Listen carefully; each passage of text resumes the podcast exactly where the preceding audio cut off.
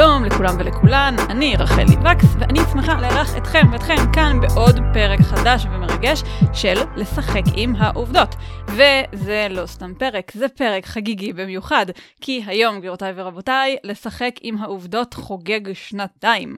היום הגענו ל-24 פרקים, פרק אחד לכל חודש בשתי שנים שלמות, וזה נחמד מאוד, וכיף, ולא יודעת, נחמד וכיף. והמאזינים והמאזינות אה, אולי אה, זוכרים, הוותיקים והוותיקות מביניכם, שאני אוהבת לחגוג בלטייל. בפרק השנה של הפודקאסט יצאנו למסע לאיי הגלפגוס בעקבות אה, צ'ארלס דרווין, פרק 12, וגם היום אנחנו נחגוג במסע מופלא, כשהפעם אנחנו נהיה באמריקה הצפונית. אנחנו נצא מסנט לואיס שבמיזורי, ונחצה את יבשת אמריקה עד לקצה השני שלה, עד לאוקיינוס השקט והאדיר והלא נודע שבמערב הרחוק. המדריכים שלנו בדרך יהיו לואיס וקלארק, צמד החוקרים uh, מהמציאות וגם ממשחק הקופסה, לואיס וקלארק. אנחנו uh, נצעד יחד בעקבותיהם ונשמע את הסיפור המרתק של ה... המשלחת הראשונה לטרה אינקוגניטה הזאת, שהפכה להיות uh, חלק מארצות הברית שאנחנו מכירים היום. אז בלי עיכובים מיותרים, בואו ונתחיל בחגיגות. טלרם, טלרם, צלילים מסיבה, תופים.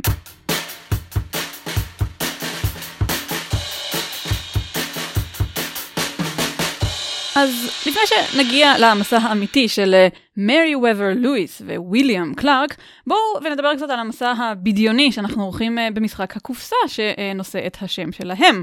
במשחק מוטלת עלינו המשימה שבמציאות הוטלה על לואיס וקלארק, שהיא לחצות את מערב ארצות הברית.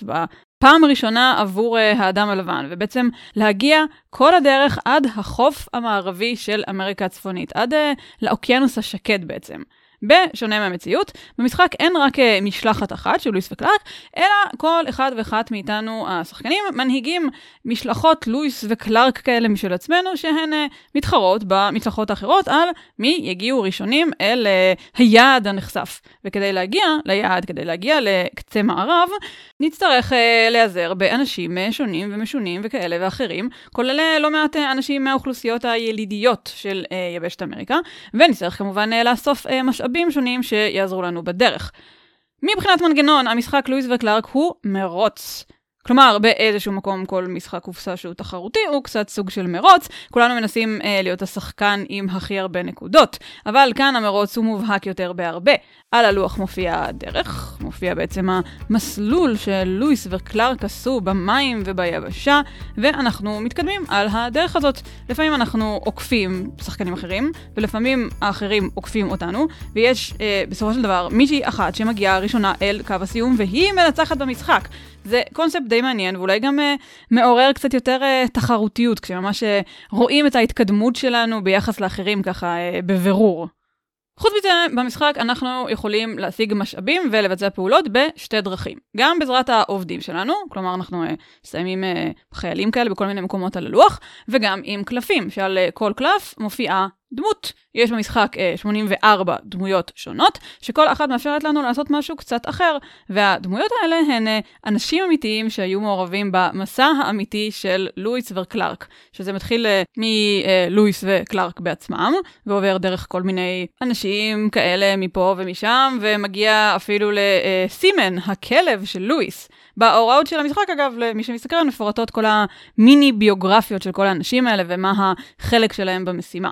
עכשיו, הדרך שבה אנחנו משתמשים בקלפים היא מעניינת. לכל קלף יש שני צדדים, צד אחד שיש עליו אה, איזושהי פעולה כלשהי שאנחנו יכולים לבצע, וצד אחר עם uh, strength, uh, כוח, בעצם שמופיעות עליו דמויות uh, אדומות כאלה, שהן הכוח. כדי לבצע פעולה, אנחנו צריכים גם קלף עם הפעולה, וגם קלף עם כוח, כדי שיהיה לנו כוח לבצע אותה. לרוב אנחנו נשחק את זה עם uh, שני קלפים, כל פעולה שאנחנו עושים. זה יוצר מצב מעניין, שבו לא פעם אני צריך להתלבט האם להשתמש בקלף מסוים בשביל היכולות שלו, או פשוט להשתמש בכוח שבו כדי uh, לבצע פעולה אחרת. לפעמים צריך לקבל כאן החלטות קשות. גם האופי המסלולי של המשחק מוסיף כאן דברים מעניינים. נגיד חלק מהמסע הוא על נהר וחלק הוא קרקעי, כמו שהמסע האמיתי היה, אנחנו נדבר על זה בהמשך. אז אנחנו צריכים כשחקנים להתכונן מבחינת משאבים ואסטרטגיה וכולי לשתי האפשרויות האלה, כל אחת בזמן המתאים שלה. וחוץ מזה, המשאבים שאנחנו אוספים תופסים מקום בספינות שלנו, ובאופן די הגיוני בתכלס, זה מאט אותנו, כי כבד לספינות הן איטיות יותר. וזה פחות נחמד במרוץ, אתם יודעים, כשאנחנו uh, רוצים להזדרז קדימה, שמשהו מאט אותנו. אז אנחנו צריכים לחשב איזה משאבים אנחנו לוקחים איתנו, כדי שלא uh, נאסוף ונאסוף משאבים, ובסופו של דבר נישאר מאחור.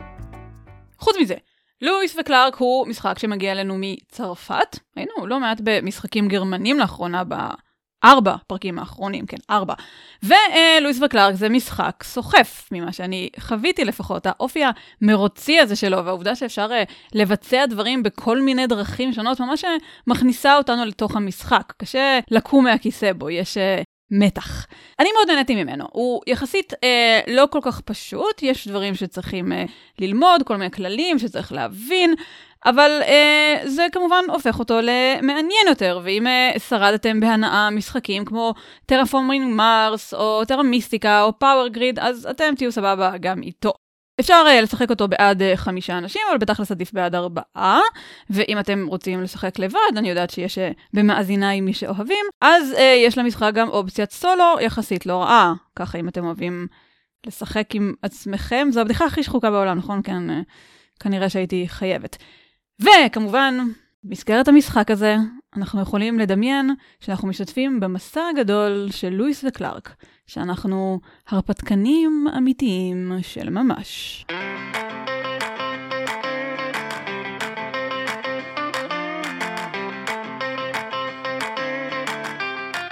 אז הסיפור האמיתי של לואיס וקלארק מתחיל למעשה עוד לפני שלואיס או קלארק נכנסו לתמונה. אנחנו נמצאים בשנת 1803. ארה"ב של אותם ימים מתפרסת רק על החוף המזרחי של יבשת אה, אמריקה הצפונית. היא כוללת את 13 המושבות הראשונות של המדינה, ועוד קצת אה, שטח שהיה בשליטה בריטית לפני מלחמת העצמאות של ארה"ב, ושארה"ב כבר התפשטה אליו. תומאס ג'פרסון, שהיה אז נשיא ארצות הברית, הוא מחליט לעשות עסקה ולקנות מצרפת שטח ענק שצרפת שולטת בו ושגובל בארצות הברית של אז. השטח הזה נקרא לואיזיאנה, על שם המלך לואי ה-14, והוא כולל אה, לא רק את אה, מה שנקרא היום אה, מדינת לואיזיאנה, אלא גם שטחים ששייכים היום למדינות כמו קנזס ואיואה ומונטנה וארקנסו. הוא היה שטח גדול כמעט כמו כל מה שהיה אז ארצות הברית. אם מסתכלים על ארצות הברית של היום, הוא מהווה 23% מהשטח שלה. עכשיו, אה, תומאס ג'פרסון שילם לנפוליאון תמורת השטח הזה 15 מיליון דולר, שזה שווה ערך לכ... 342 מיליון דולר של היום. פסקה לא רעה, אני מניחה. ואז, פתאום, האמריקאים מוצאים את עצמם עם המון שטח. ושטח כזה צריך לחקור, צריך להבין uh, מה יש שם, מה חי שם, מה צומח ואיך uh, מקיימים מסחר בכל הסיפור הזה. וכאן לואיס וקלארק נכנסים לתמונה. אז מרי וובר לואיס, הוא היה המזכיר האישי של תומאס ג'פרסון, והוא היה גם חבר טוב שלו. הוא היה uh, קצין צבא לשעבר, וכשהמסע שנדבר עליו היום uh, יצא לדרך, הוא היה בן 29, בחור צעיר שמוכן להרפתקה. הוא התעניין בחי ובצומח ובגיאוגרפיה, הוא אהב אה, לחקור והוא גם היה טוב מאוד בלכתוב על זה. המון מהמידע שלנו על המסע של לואיס וקלארק הגיע מהיומנים של לואיס. אז ג'פרסון פנה ללואיס ואמר לו, תראה, יש לי פה את השטח הזה שקניתי. אני לא הייתי שם, אבל שמעתי כל מיני דברים משמועות שעוברות אה, בין האינדיאנים, אה, אנשים לבנים שעברו שם לסחר וכאלה. שמעתי על אה, נהרות ועל אה, הרים ועל אה, בעלי חיים ועל אה, כל מיני דברים מוזרים ומעניינים. לך תבדוק מה יש שם. ותיצור קצת אה, קשרים דיפלומטיים עם כל האינדיאנים האלה ששמעתי שיש שם. אה, וגם uh, תקבע עובדות בשטח, שלכולם יהיה ברור שהמקום הזה שלנו עכשיו, אני uh, שילמתי עליו אחרי הכל. בעיקר ג'פרסון התעניין בנהר, ממש בגבול בין ארצות הברית שהייתה אז ללואיזיאנה, הרכש החדש, שם uh, ממוקמת העיר סנט לואיס, שהיום היא במדינת מיזורי. שם אה, מתפצל מתוך אה, נהר המיסיסיפי הגדול, נהר המיזורי, שהוא נהר אה, ארוך ארוך שממשיך משם מערבה אל תוך אה, חבל לואיזיאנה. עכשיו, באותם ימים המסחר התנהל בעיקר על המים, ותומאס ג'פרסון חלם להשית uh, ספינות מלאות בסחורה על המיזורי כל הדרך עד לאוקיינוס הזה שהוא uh, שמע שיש uh, בקצה היבשת, זה שאומרים שהוא uh, שקט. ומשם הוא קיווה uh, לסחור דרך האוקיינוס הגדול עם אסיה ודי להתעשר בתכלס. כמדינה, uh, כארצות הברית, זה יכול היה להיות uh, אפשרות uh, כלכלית מאוד טובה. אז uh, ג'פרסון השקיע כנשיא ארצות הברית די הרבה כסף במשלחת הזאת כדי למצוא כאמור את הנתיב החשוב הזה. בכל מקרה, לואיס הסכים לאתגר, והוא גייס למשימה ביחד איתו את ויליאם קלארק, שוויליאם קלארק היה המפקד של לואיס בצבא. גם אה, קלארק לא היה אה, מאוד מאוד מבוגר, הוא היה בן 33 בתחילת המסע, והוא היה ג'ינג'י, שזה עובדה שתמיד חשוב מאוד לציין. ומעניין להגיד שקלארק היה שונה מאוד מלואיס, הוא לא היה בן אדם סקרן או חקרן מדי, הוא היה יותר איש צבא, איש קשוח. נתנו לו משימה והוא שאף להשלים אותה. גם קלארק, אגב, כתב אה, יומנים במהלך המסע, אם כי הוא לא זכה אה, מעולם להשכלה פורמלית, ורואים את זה בליקויים שיש בכתיבה שלו. בעצם היו לנו במסע הזה את אה, לואיס החולמני והסקרן וההרפתקן עם החזון, ואת אה, קלארק הפרקטי עם הרגליים על הקרקע, שאיזן אותו, הם היו אה, צמד חמד כזה. עכשיו, לפני היציאה למסע המפרך הזה, לואיס וקלארק והמשלחת שלהם עברו הרבה הכנות ואימונים, זה לקח בערך שנה, עד שב-14 במאי 1804 הם יצאו לדרך מסנט לואיס. היה להם אה, צוות של 40 איש, הם היו מחולקים לשלוש סירות שהיו עמוסות בציוד, והם התחילו לשוט להם במעלה נהר המיזורי.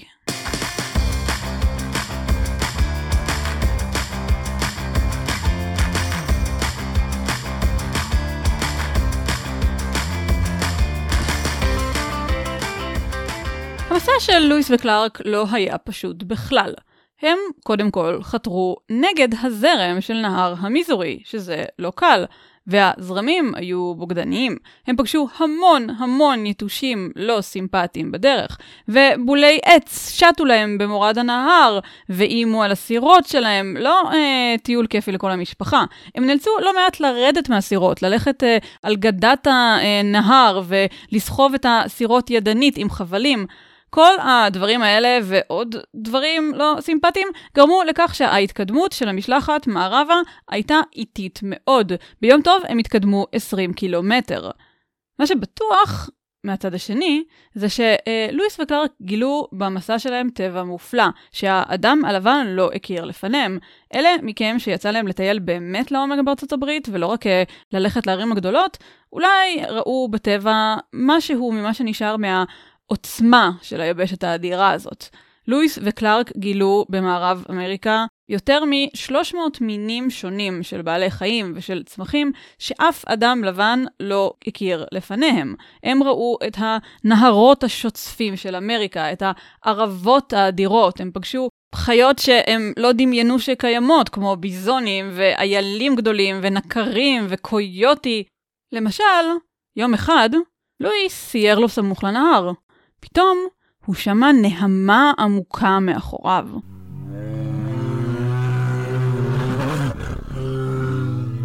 הוא הסתובב וראה מולו מפלצת. חיה אדירה ומפחידה שכמוהו הוא לא ראה כל חייו.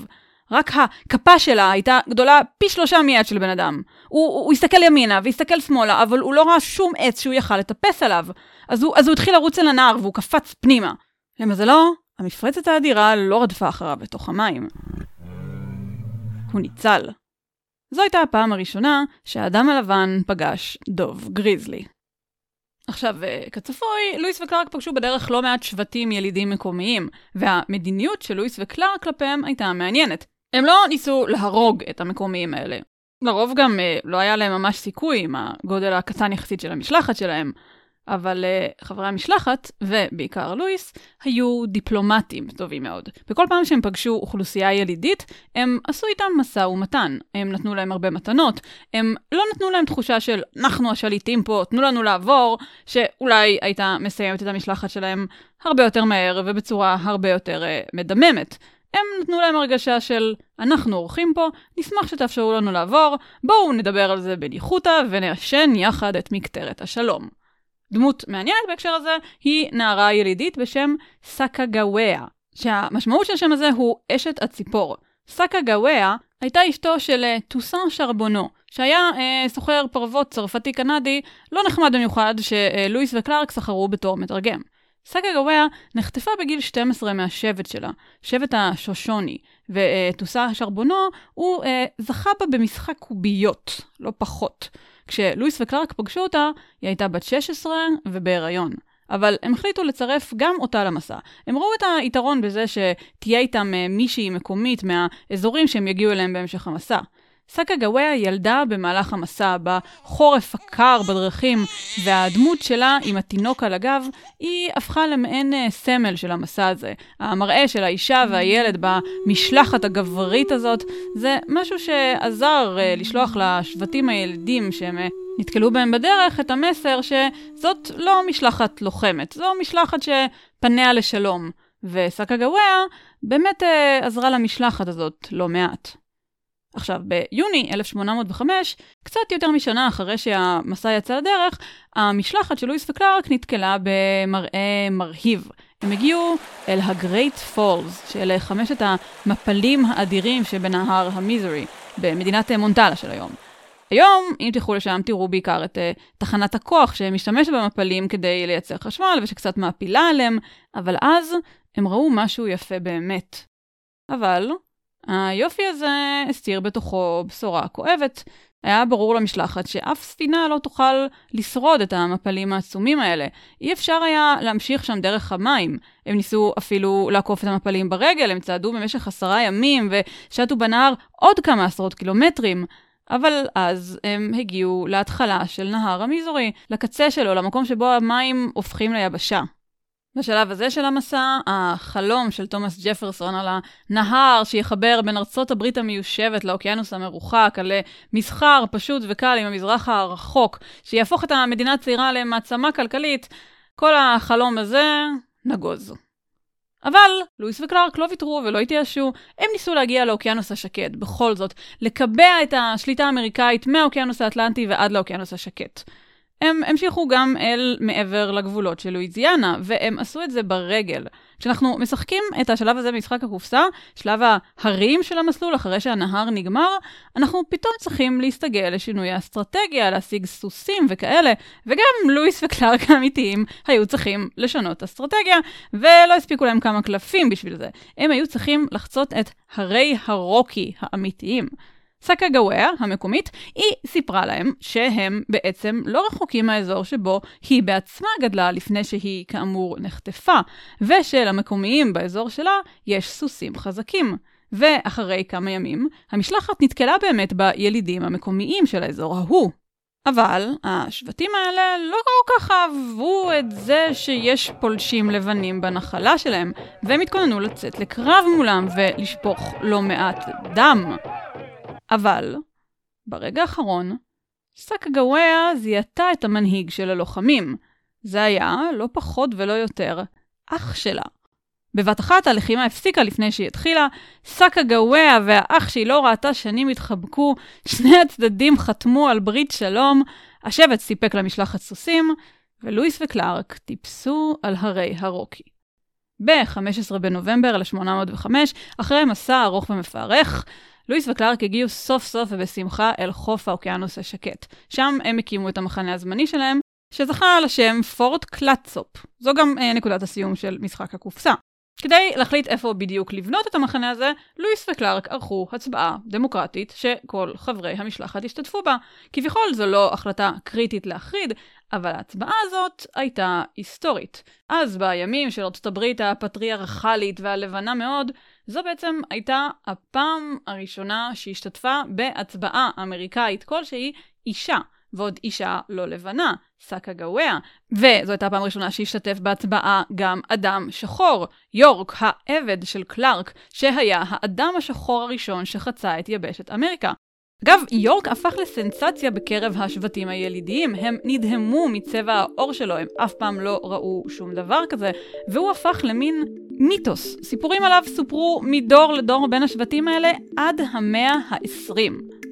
עכשיו, אה, בניגוד למה שקורה במשחק, לואיס וקלארק האמיתיים היו צריכים גם לחזור הביתה, מהמערב למזרח. ובניגוד למסע הלוך שארך כמעט שנתיים, המסע חזור לקח רק חצי שנה. הם כבר הכירו את האזור, והרבה יותר נחמד לשוט עם הזרם מאשר נגדו. וב-23 בספטמבר 1806, אחרי מסע של 13,000 קילומטר ושנתיים, ארבעה חודשים ועשרה ימים, לואיס, קלארק והמשלחת הגיעו חזרה לנמל סנט לואיס.